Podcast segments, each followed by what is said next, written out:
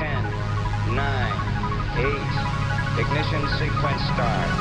5, 4, 3, 2, 1, 0. Quantum leap. Salto quântico. Salto quântico, salto quântico, salto quântico. Quantum leap. Salto quantico. Salto quantico. Salto quantico. Kvantum, det du inte visste att du ville veta. Vad är det häftigaste som ryms i en tesked? Nitroglycerin? Kungsvatten? Nix. En liten bit neutronkärna. Vi snackar om universums mest kompakta materia, om man inte räknar de svarta hålen. Så hårt packad är materian i en neutronkärna att de positivt laddade protonerna och de negativt laddade elektronerna har klämts ihop till neutralt laddade neutroner. De säger att Tors hammare, Mjölner, är gjord av neutronkärna. Och faktum är att det i princip ska vara en gud till att lyfta en sådan hammare eller ens en knapp tesked med neutronkärnestoff. Om man tar en milliliter material från en neutronkärna, det motsvarar ungefär ett kryddmått eller en femtedels tesked, då väger det uppemot 100 miljoner ton. Men neutronerna sönderfaller då den lilla gnuttan blir fri från neutronkärnans tryckkokare. I teskeden sönderfaller de sedan till protoner plus elektroner, alltså lika många ton väteatomer, 100 miljoner ton, som utvidgas kraftigt och upptar en volym av 1100 kubikkilometer vätgas. För övrigt samma vara som zeppelinaren Hindenburg var fylld med, eh, bara att tusentals gånger mera. Av en knapp tesked neutronkärna, ett litet kryddmått, tänk nu. Nåja, nog om det nu. Kvanthopp är det här alltså och Markus Rosenlund heter jag. Och det ska bland annat handla om jakten efter liv på ismånarna ute vid Jupiter och Saturnus. Visste du att det finns mer vatten på Jupiters måne Europa än i jordens alla hav sammanlagt? Och så ska det handla om den pågående klimatuppvärmningen som inte bara är en fråga för den avlägsna framtiden. Vi ska titta på hur den syns helt konkret redan nu, bland annat i Östersjön. Professor Alf Norko vid Tvärminne zoologiska station. Nu sedan 1990 har temperaturen ökat med, med det här ungefär två grader.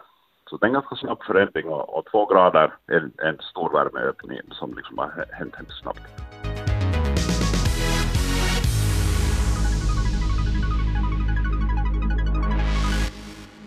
Bland annat sådant i Kvanthopp idag. Ah, Ajo, individanpassad hälso och sjukvård ska det också handla om. Men notiser blir det härnäst. Det här är en Svenska Yle-podd.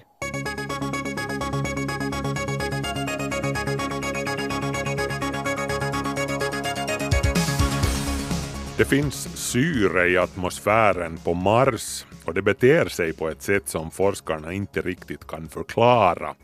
En färsk amerikansk studie baserad på data från Mars-rovern Curiosity tittar närmare på det här.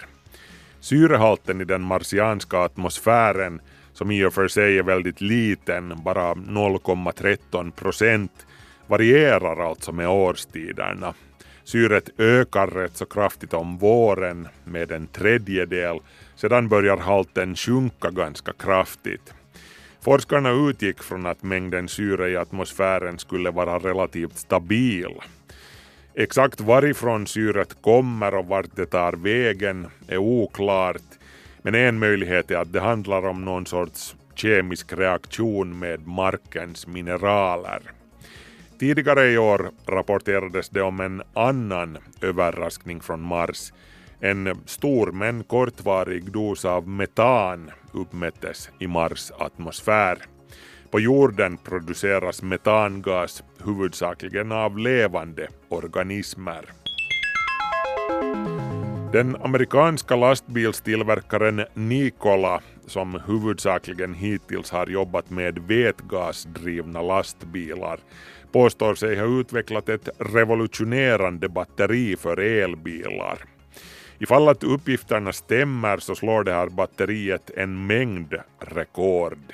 Vi snackar om en energitäthet på 500 wattimmar per kilo vilket klår dagens litiumjonbatterier med hästlängder. Batteriet sägs också öka på elbilens räckvidd till mer än 900 kilometer utan att batteriet för den skull blir desto större eller tyngre. Återstår att se om det rör sig om mer än tomt skryt för sådant har vi hört förr i den här branschen nämligen. Nikola avslöjar alltså inga detaljer om batteriet och dess kemi, bara att det inte rör sig om ett litiumjonbatteri. Det är helt andra kemikalier med en litiumkomponent, säger bolagets chef Trevor Milton enligt nyteknik.se. Nikola har lovat att berätta mer i samband med ett stort evenemang kring batteriet nästa års höst. Minns ni tiden då man bucklade till sin bil och kunde få bucklorna fixade och kanske en ny strålkastare också för en relativt liten peng? Det är andra bullar numera, konstaterar försäkringsbolaget Lähitapiola som har jämfört priserna på reparationer av krockskador då och nu.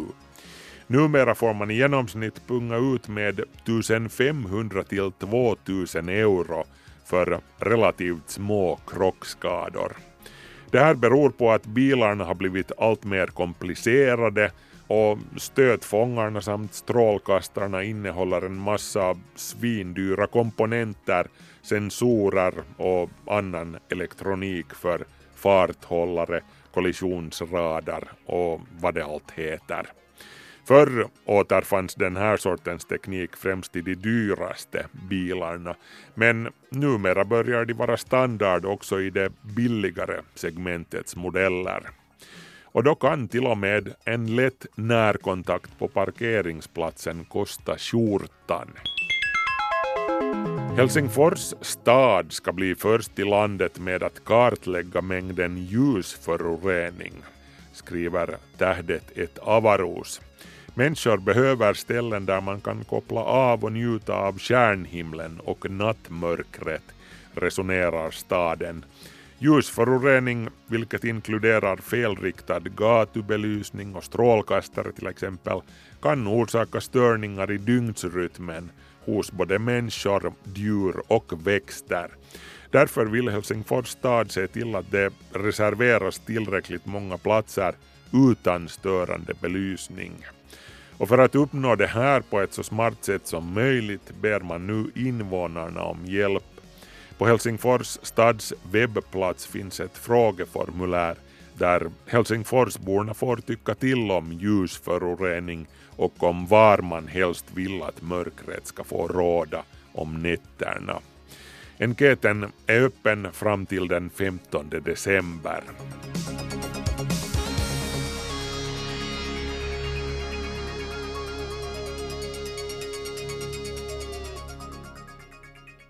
Kvanthopp. Sikta mot stjärnorna. Ska vi någonsin hitta liv i solsystemet utanför vår egen planet, då får vi förbereda oss på att gå på djupet. De främsta kandidaterna i vårt solsystem när det kommer till chansen för att hitta liv är faktiskt inte planeter utan månar närmare bestämt gasjättarna Jupiters och Saturnus månar. Just den här veckan har blickarna vänts speciellt mot Saturnus största måne Titan som är den näst största månen i hela solsystemet näst efter Jupiters måne Ganymedes. Titan är så stor att den kunde vara en egen planet. Den är större än både planeten Merkurius och explaneten Pluto. Titan är också unik i solsystemet i och med att det är den enda månen som har en tät atmosfär. Den här atmosfären gjorde länge att det var besvärligt att titta närmare på Titan. Men tack vare rymdsonden Cassini och dess landare Huygens som landade på Titan 2005 har vi fått en viss inblick i världen bakom molnslöjorna. Faktum är att den här veckan publicerades den första heltäckande geologiska kartan av Titan baserad på data just från Cassini-sonden, radar, infrarött och annat. Och det är en exotisk värld som avtecknar sig på kartan med vidsträckta slätter, dyner av djupfrysta organiska föreningar, kolväten med andra ord. Och så Titans berömda sjöar förstås. De enda sjöarna utanför jorden som vi känner till i hela solsystemet.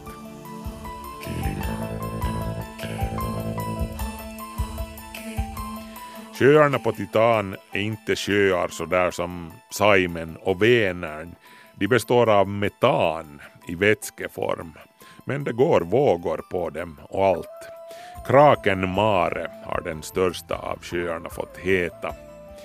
Det är alltså så kallt på Titan, i medeltal cirka minus 179 grader Celsius vid ytan, att vatten inte förekommer just alls i atmosfären. Titans molntäcke består mest av metan och etan och mindre mängder komplexa kemikalier som gör att Titan ser orangefärgad ut från rymden. Man tror att metanet i Titans atmosfär kommer från en eller flera metanvulkaner. Metanmolnen gör också att det regnar på Titan, mest flytande metan då förstås. Den rikliga förekomsten av organiska föreningar på Titan gör att forskarna ofta leker med tanken på att liv kunde dölja sig där djupt nere under Titans frusna yta.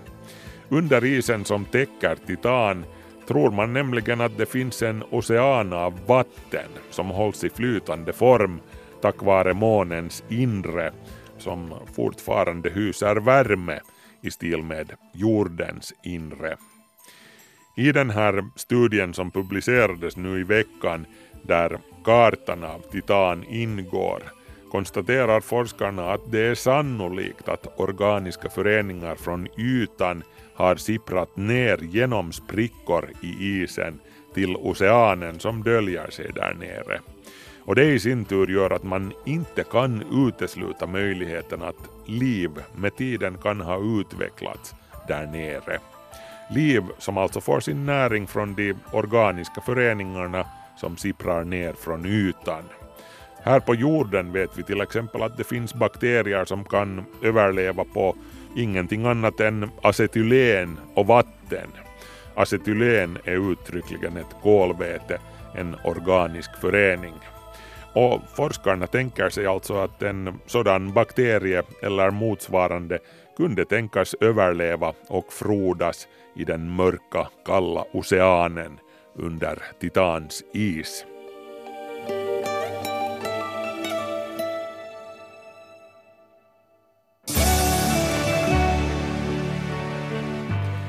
Vetenskapen utgår numera från att också livet på jorden ursprungligen kom till djupt nere i oceanerna kring de heta källor som finns där nere.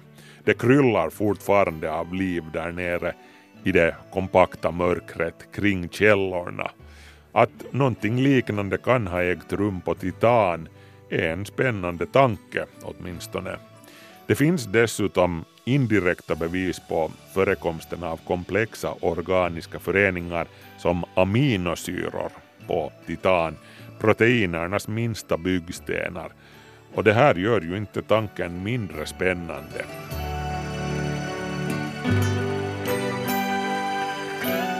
Inom ett drygt årtionde kanske vi är lite klokare. NASA ska nämligen sända iväg en rymdsond mot Titan. Dragonfly ska den sonden heta. Eh, det är tänkt att den ska anlända till Titan 2034. Det är inte minst med tanke på den sonden som man gjorde den här kartan som nyss publicerades över Titan. Dragonfly ska alltså leta efter tecken på hur långt den prebiotiska kemin, alltså kemin som föregår liv, eventuellt kan ha hunnit på Titan. För Titan uppvisar alltså vissa likheter med den tidiga jorden och kan ge värdefulla ledtrådar om hur livet kan ha uppkommit här.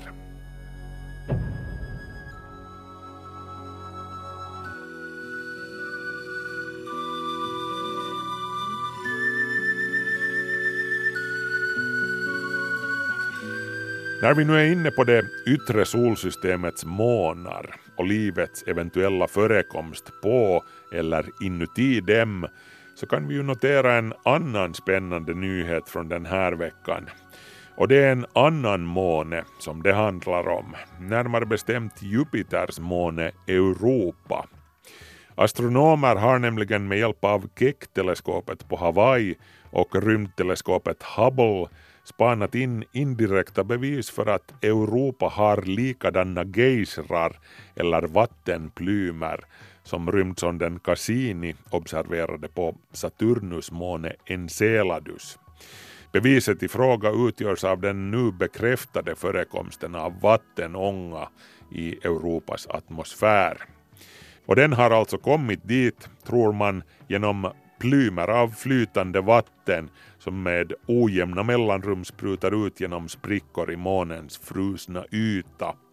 Plymer som dessutom i Enceladus fall har visat sig innehålla organiska molekyler, kolväten som sagt med inslag av bland annat kväve och syre.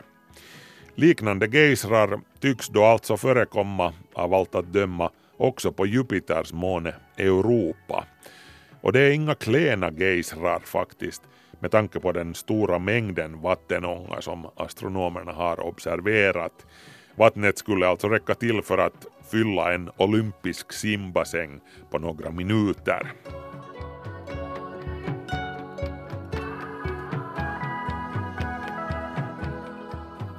Jupiters måne Europa har alltså högst sannolikt också en ocean av flytande vatten under sin isiga yta.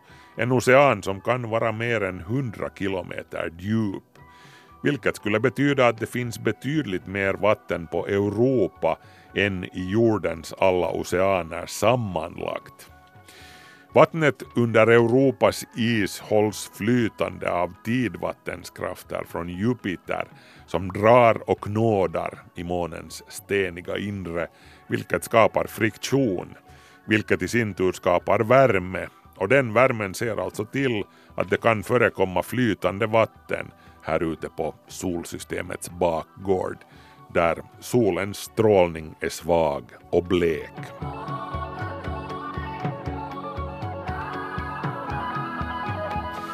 Det verkar hur som helst som så att vattenplymerna på Europa skiljer sig en hel del från det motsvarande fenomenet på Saturnus ismåne Enceladus. Europas plymer tycks framförallt vara relativt sporadiska och oregelbundna till sin förekomst, även om de som sagt kan vara kraftfulla. På Enceladus vet vi däremot att det finns mer än hundra kraftfulla gejsrar som sprutar mer eller mindre jämnt och ständigt. Den här sortens plymer och gejsrar är väldigt spännande ur en astrobiologs synvinkel och det gör jobbet så mycket enklare när det kommer till letandet efter tecken på liv på de här fjärran svåråtkomliga ismånarna. Plymerna besparar ju liksom forskarna besväret att borra sig genom ett istäcke som kan vara flera kilometer tjockt då de vill ta vattenprover för att se om där finns mikrober i vattnet. Sådant är ju i princip onödigt när vattnet självmant sprutar långa vägar ut i rymden. Det räcker med andra ord att en rymdsond flyger över eller förbi månen i fråga och tar prover i flykten av vattendropparna som sprutar upp från isgejsrarna. Rymdsonden Cassini flög till exempel genom en av Enceladus plymer 2015.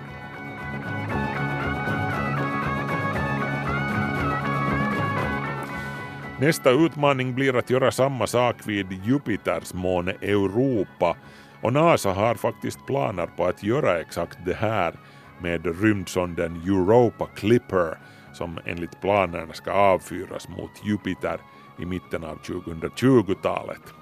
Europa Clipper ska kretsa kring själva Jupiter men den ska göra tiotals förbiflygningar över ismånen Europa. Och har Europa Clipper tur så bryter det ut en riktigt maffig geyser just då sonden passerar.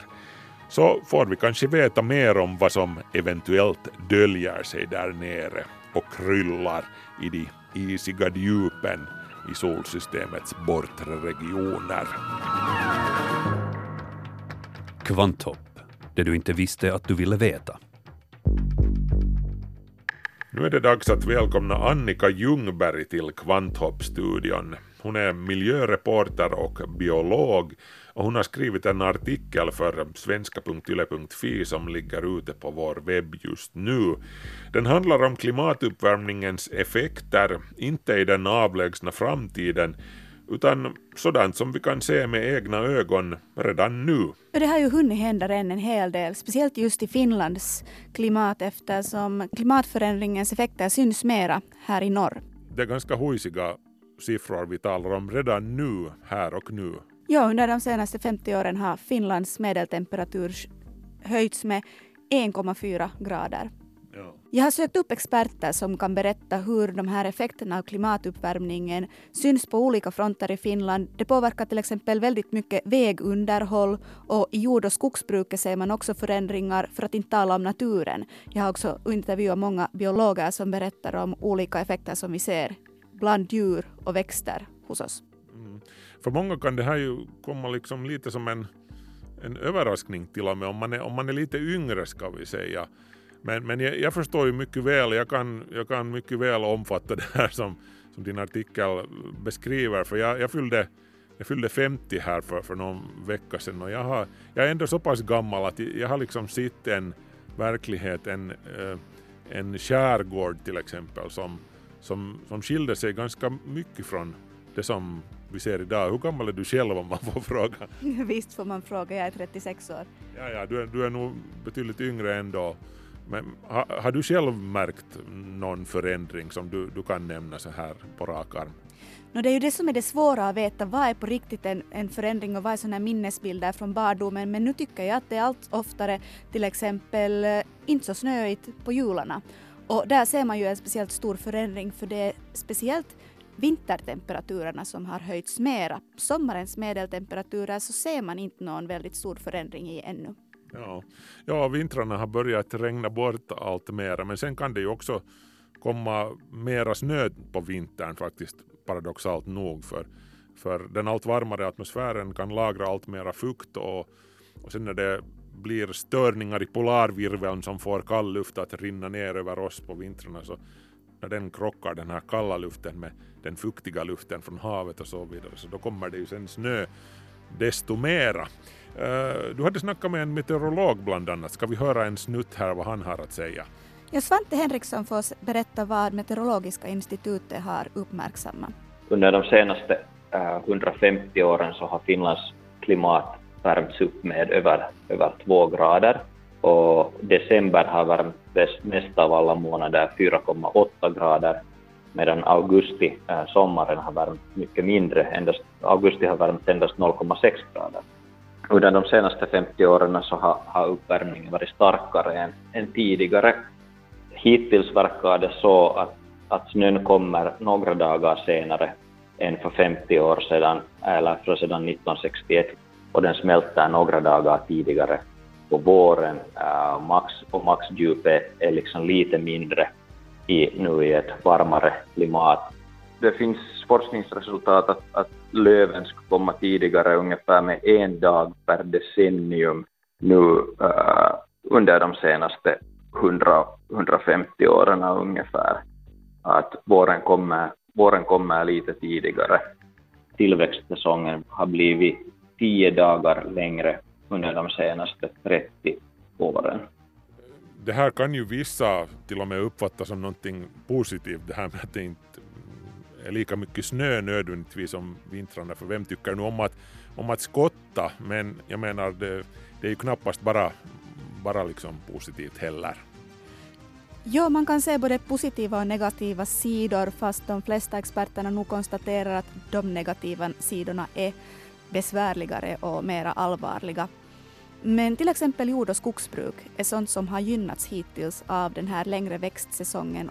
Det vill säga tillväxtsäsongen är så pass mycket längre att man kan odla nya sorter som trivs bättre i en längre säsong. Man kan få bättre skördar och till exempel skogstillväxten är större med de varmare temperaturerna. Men eh, för naturens skull så är det inte så bra att växtsäsongen är så här mycket längre för det är en ny grej.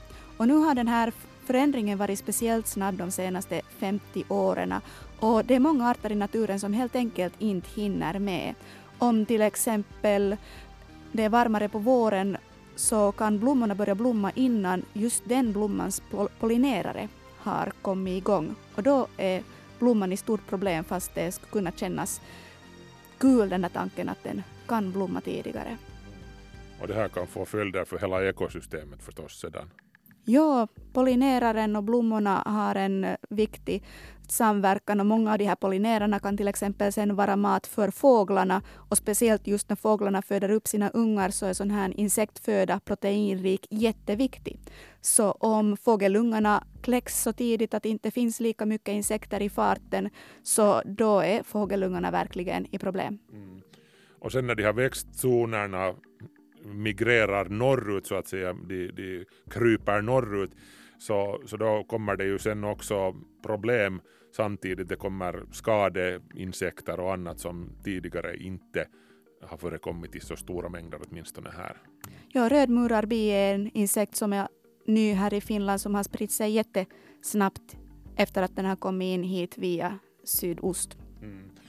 Och någonting som i dagens läge kan tyckas vara väldigt vardagligt nästan åtminstone här vid sydkusten, nämligen fästingen som, som jag inte knappt ens hade hört om när jag var liten, alltså i Ingo skärgård. Den finns ju mer eller mindre överallt längs med sydkusten nu och den har ju mer eller mindre spritt sig som en, som en följd av att det har blivit varmare. Ja, under kalla vintrar så tar nog kylan koll på en stor del av fästingarna men när vintrarna inte är så kalla mera så kan fästingen och många andra lite mer obehagliga kräk i våra ögon klara sig bättre. Ett exempel där den här uppvärmningen syns speciellt tydligt är Östersjön. Jag har talat med Alf Norko som är vetenskaplig ledare för Tvärminnet zoologiska station i Hangö. Vi jobbar vid en station som är, som är en, av, en av världens äldsta och det betyder att vi har följt med liksom naturen och hur den har förändrats över, över hundra år. Då gäller det ju kanske till exempel sånt som havets temperatur och salthalt och sånt, men också sen biologin, det vill säga växterna och djuren. Så det har vi gjort under, under väldigt långa tider. Det fina med det här är ju det att, att vi då nu framförallt när världen förändras ganska fort så har vi ju ett logiskt perspektiv på hur det har sett ut förut och hur det förändras nu som en bakgrund kan man konstatera det att det är ju världshaven som har tagit emot den största delen så att säga av energin associerad med den här globala uppvärmningen. Så över 90 procent av energin har, har gått till våra världshav och, och de värms upp väldigt snabbt. Men sen Östersjön som är, är både grund och har ett dåligt vattenutbyte genom Danska sunden så det är liksom i princip som ett badkar. Så att det värms upp väldigt snabbt. Om man tänker då på Östersjön i relation till resten av världshaven så är det så att det värms upp mycket snabbare tvärminne som har mätt temperatur var tionde dag ända sedan 1927. Och när vi tittar då på vad som har hänt så var det väldigt länge så var det varierat ganska mycket men det var ganska stabilt över tid. Men nu sedan 1990 har temperaturen ökat med, med det här ungefär två grader. Så det är en ganska snabb förändring och, och två grader är en, en stor värmeökning som liksom har hänt, hänt snabbt. Det som kanske är intressant i sammanhanget och som är lite, lite oroväckande är förstås det att Östersjön länge har, har lidit av av övergödning förstås under decennier. Och vi har ju liksom börjat få lite bukt på den där övergödningen så här. Man har jobbat, jobbat väldigt länge med att försöka bättra på havets tillstånd. Men vi har fortfarande så att säga den här historien av den här övergödnings, övergödningsproblemet. Och, och, nu när det börjar värmas upp snabbare så är det i princip så att, att det kan förstärka liksom den här övergödningens um, effekter igen då. Um, och det här är så tillvida oroväckande att det påverkar då hav, havets biodiversitet, det vill säga mångfalden av växter och djur. Sommaren 2018 så var det ju en väldigt varm sommar. Och, och, och då var det så att den där temperaturen gick över sådana här tröskelvärden som, som en del av de här, de här växterna och djuren kan klara av.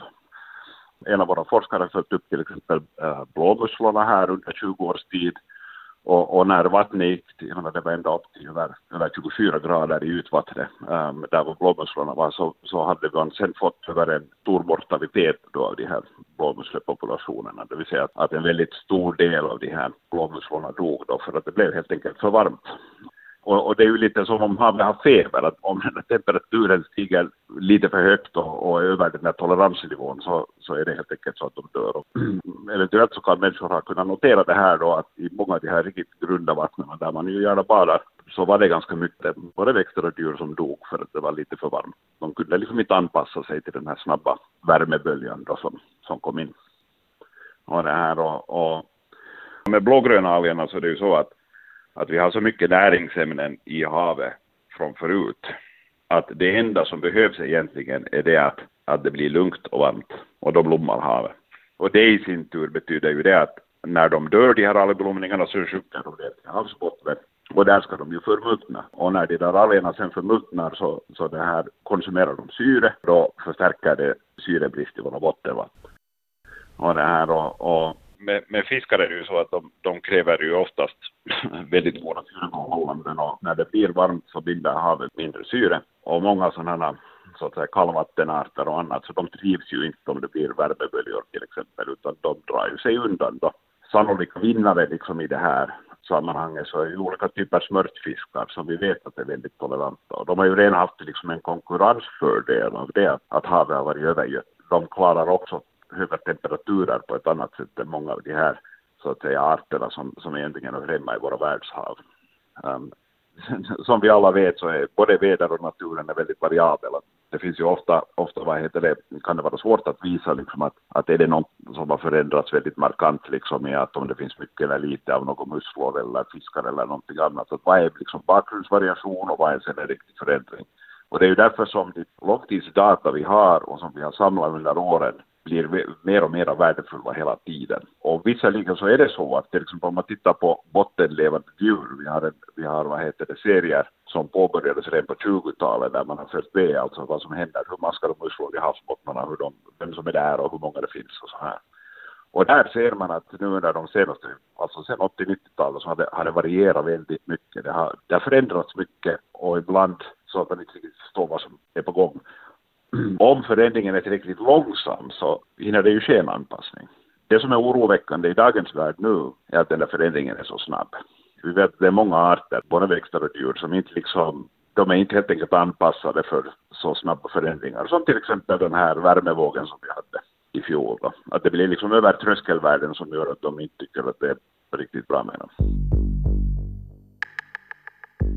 Alf Norko från tvärminnesologiska station där och, och vad kan jag annat säga som själv har, har tillbringat alla mina somrar i 50 års tid vid havet i, i Ingo, södra Finland, att det är ju nog en, en, en dramatisk och, och, väldigt tragisk förändring som har, som, har, som har ägt rum. Och man minns ju med, med nostalgi och, och det där saknad det här klara vattnet i, i Finska viken från, från barndomens somrar och, och det lär nog inte mina barn få uppleva om vi säger så.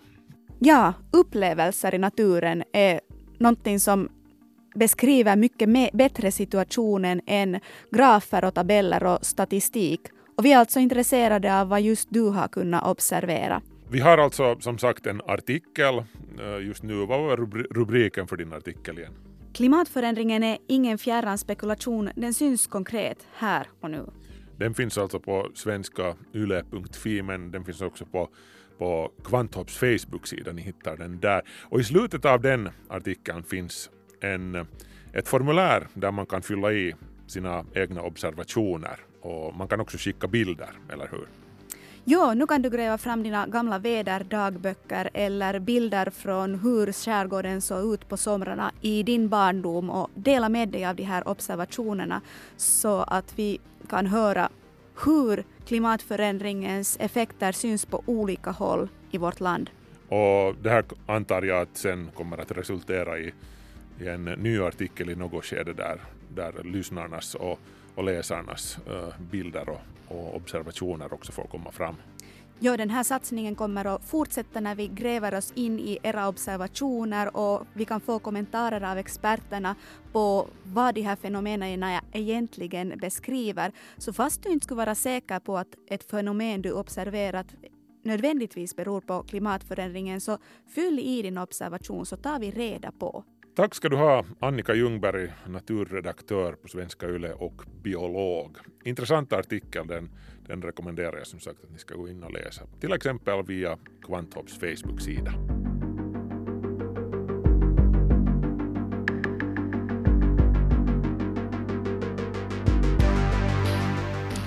Och fram till slutet av den här månaden har du tid på dig att komma med dina egna observationer.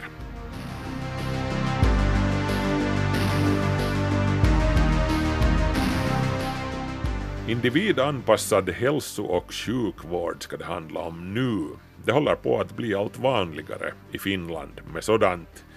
Och med det här menas till exempel att patientens gener kan vara avgörande för den behandling som han eller hon får mot en viss sjukdom.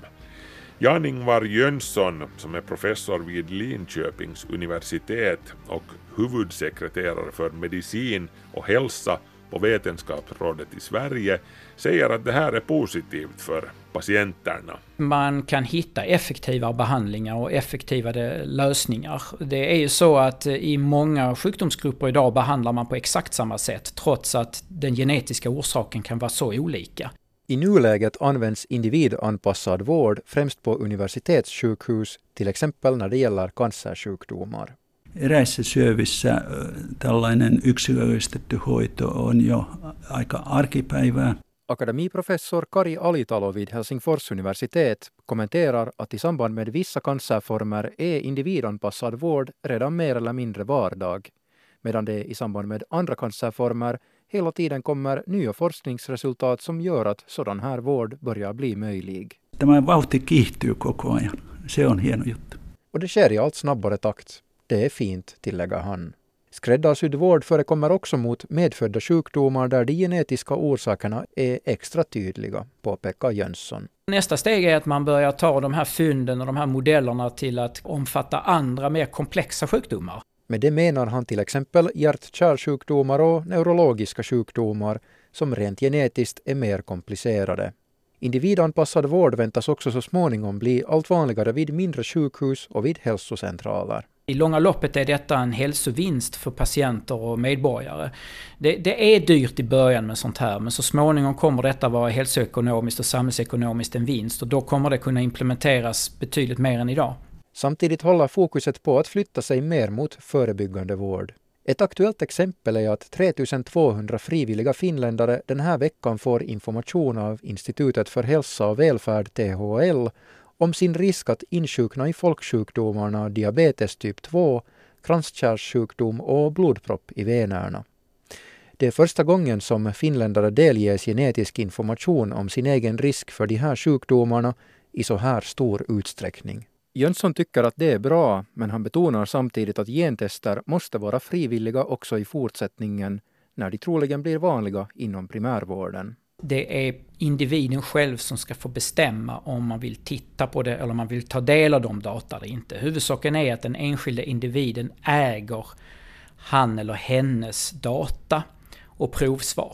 Ett etiskt dilemma är samtidigt att det en patient får reda på kan berätta en hel del om familjens eller släktingars genetiska sjukdomsrisker. Borde sjukvården då informera också dem?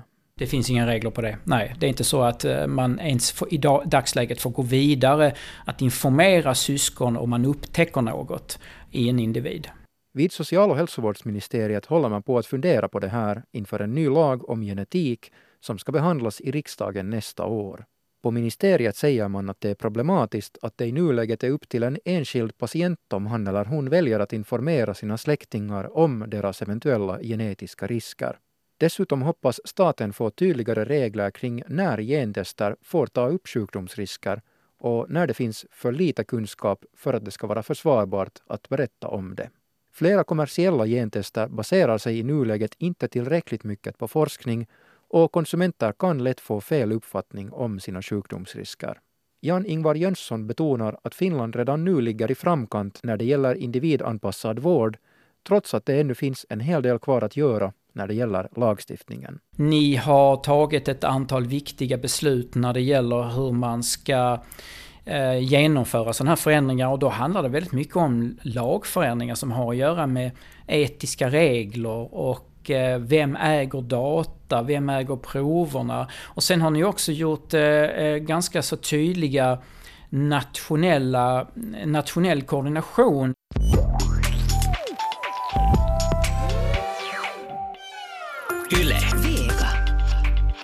Det sa professor Jan-Ingvar Jönsson. Reporter här var Niklas Fagerström.